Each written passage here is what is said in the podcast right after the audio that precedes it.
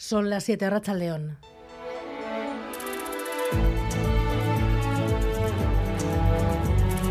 Gambara con Arancha García. Cinco horas para el arranque de la tamborrada. Nos vamos a la parte vieja, Maya Zabala, Racha León. A Racha León, Donostia respira ambiente festivo y es que así suenan los tambores infantiles a esta hora.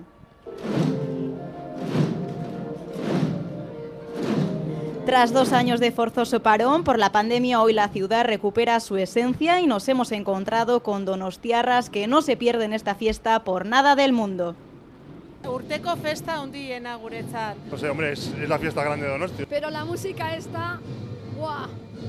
Da de saltar las lágrimas y todo. Muy grande, con mucha emoción. Eta baina, guantxe gororatzen nuen, nik aita irratian en- entzuten ikusten nula eh, Don- San Sebastianeko martxa eta malkoak dariola jartzen zela. De Lérida. Soy donostiarra, por eso. O sea que para mí es un orgullo. Me caen las lágrimas. Además, este año será año récord de participación con más de 20.400 participantes y 157 compañías, ya que se han creado siete nuevas tamborradas desde que en 2020 se celebró la última.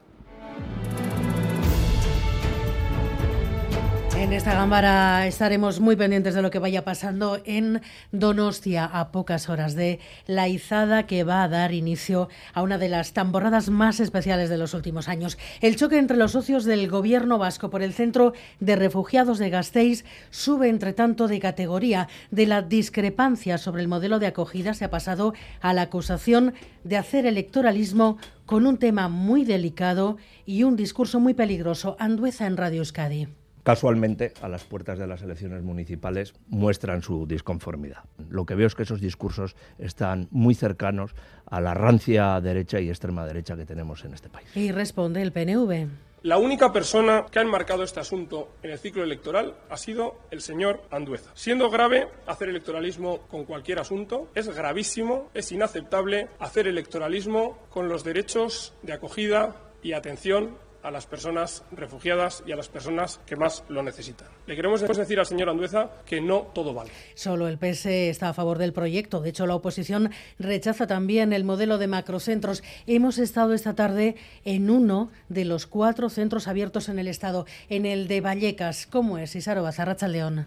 A León, sí, pues actualmente viven allí 81 personas, entre ellas 21 niños. Es un centro más pequeño que el que se prevé abrir en Gasteiz. Estos centros suponen un refugio para las personas que viven allí. Se les ofrece formación lingüística, asesoramiento psicológico y laboral. Incluso pueden participar en programas de formación. Es un centro abierto en el que se hace vida normal. Una vez sus residentes adquieren la autonomía necesaria, dejan el centro atrás, aunque permanecen tutelados durante un tiempo. Jasina es una de las residentes en el centro de Vallecas. Es cirujana y se está formándose en estética. Confiesa que le gusta en Euskadi y Navarra, pero una vez salga del centro quiere vivir en Madrid.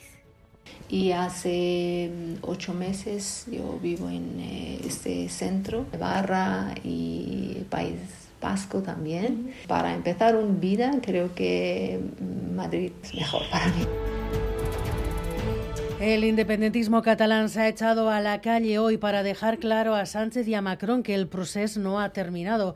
RC y Junts han coincidido en la calle por primera vez en mucho tiempo. Que aquí no s'ha acabat res, perquè la repressió continua. És una provocació i, per tant, contra la provocació, mobilització per fer veure que el procés d'independència s'ha acabat, s'acabarà quan Catalunya sigui un estat independent. Un acto conjunto, sin embargo, una pequeña parte de los concentrados ha pitado a Oriol Junqueras y ese ha acabado siendo uno de los titulares. También los incidentes con los Mossos en la manifestación convocada por los CDR. Y sobre la cumbre, pocas novedades. De momento, Francia no atiende a la petición de reabrir los pasos fronterizos. Sánchez y Macron también han hablado de la petición del Endacari de mejorar las conexiones transfronterizas. ¿Qué conclusiones deja la cumbre mirando Euskadi? Barcelona, Miquel Arrey, Racha León. Caixo Arrachaldeón, pues a pesar de que tanto las instituciones vascas como las catalanas y hoy directamente Pedro Sánchez se lo haya pedido a la cara, Emmanuel Macron mantendrá cerrados los ocho pasos fronterizos, cuatro de ellos en Euskal Herria. Ahora bien, ambos gobiernos se comprometen a estudiar la puesta en marcha de patrullas conjuntas con policías de los dos países como solución al problema. Reunión al más alto nivel entre los gobiernos de Francia y España en Barcelona, encuentro donde Sánchez y Macron también han hablado de la carta que les envió el Endacari Urcuyu para exigirles más compromiso compromiso con las interconexiones energéticas y ferroviarias. Macron estaba en Barcelona el día del paro general contra su proyecto de rechazar la de retrasar la jubilación a los 64 años. Amplio seguimiento en Iparralde y manifestaciones por todo el país. París. Hola, Simón. A León, la movilización de hoy ha sido mayor de lo que el Gobierno había calculado y ha sido, según los sindicatos, un primer paso en un conflicto que va para largo. Millón y medio de personas le han dicho a Macron en la calle que no, que no quieren cotizar más años ni jubilarse dos años más tarde y que de hacer algunas reformas debería bajar la edad de jubilación de los 62 años actuales a los 60 que reclama gran parte de la sociedad. La huelga convocada en bloque por los ocho principales sindicatos se ha dejado notar y mucho en los transportes, con un país prácticamente bloqueado durante horas, en la educación, con más de la mitad de los profesores en huelga y en el sector de la energía con gran parte de las refinerías paradas. Y en tráfico a esta hora un punto con problemas, la N1 en Villabona, sentido Gasteiz. Un coche se ha salido de la calzada y está ocupando un arcén. Una persona ha sido herida al parecer de levedad. Precaución en ese punto porque pueden registrarse retenciones y los deportes. Así Carega, Arrachaldeón. Arrachaldeón en la Euroliga de baloncesto se disputa la jornada número 20 a las 8 y media en el Huesa. Vasconia recibe al Barça con la intención de sumar su duodécima victoria e igualar en la clasificación a los culés. En ciclismo se ha presentado Euskaltel Euskadi, equipo UCI Pro Team, con las novedades de Azparren, Berasategui y López de Avechuco. En fútbol, hoy se completan los octavos de final de Copa con el Ceuta Barça y el Villarreal Real Madrid. El Athletic, por su parte, ha presentado recurso ante el Comité de Apelación por la roja de Yeray Álvarez en el derby ante la Real. Y en la Supercopa Femenina estamos en el minuto 35 de la primera parte, en la segunda de las semifinales. De momento el Barça le gana por 1-0 al Real Madrid.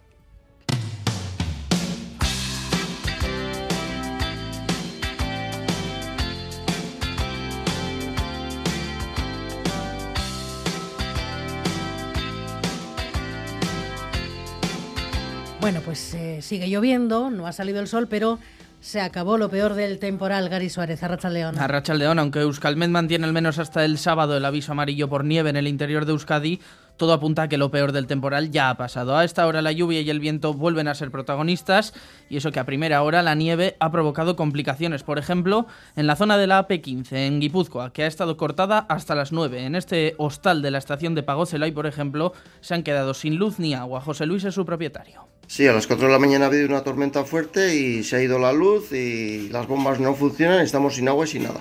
Allí en la AP15 algunos camioneros seguían atascados esta mañana.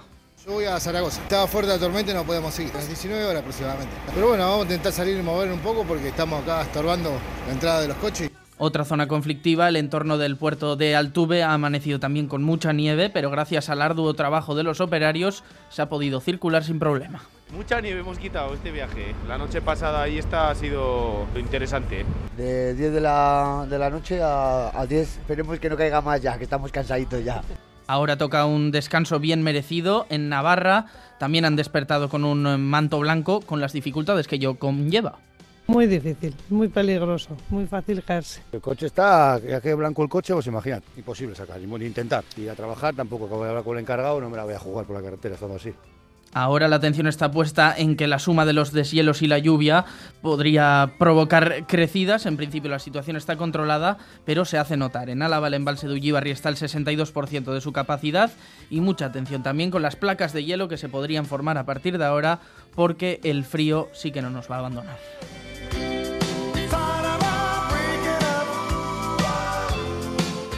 Pues todavía nos va a acompañar el frío, al mal tiempo Buena cara, Alberto Zubeldi y Miguel Ortiz están en la dirección técnica, Cristina Vázquez en la producción.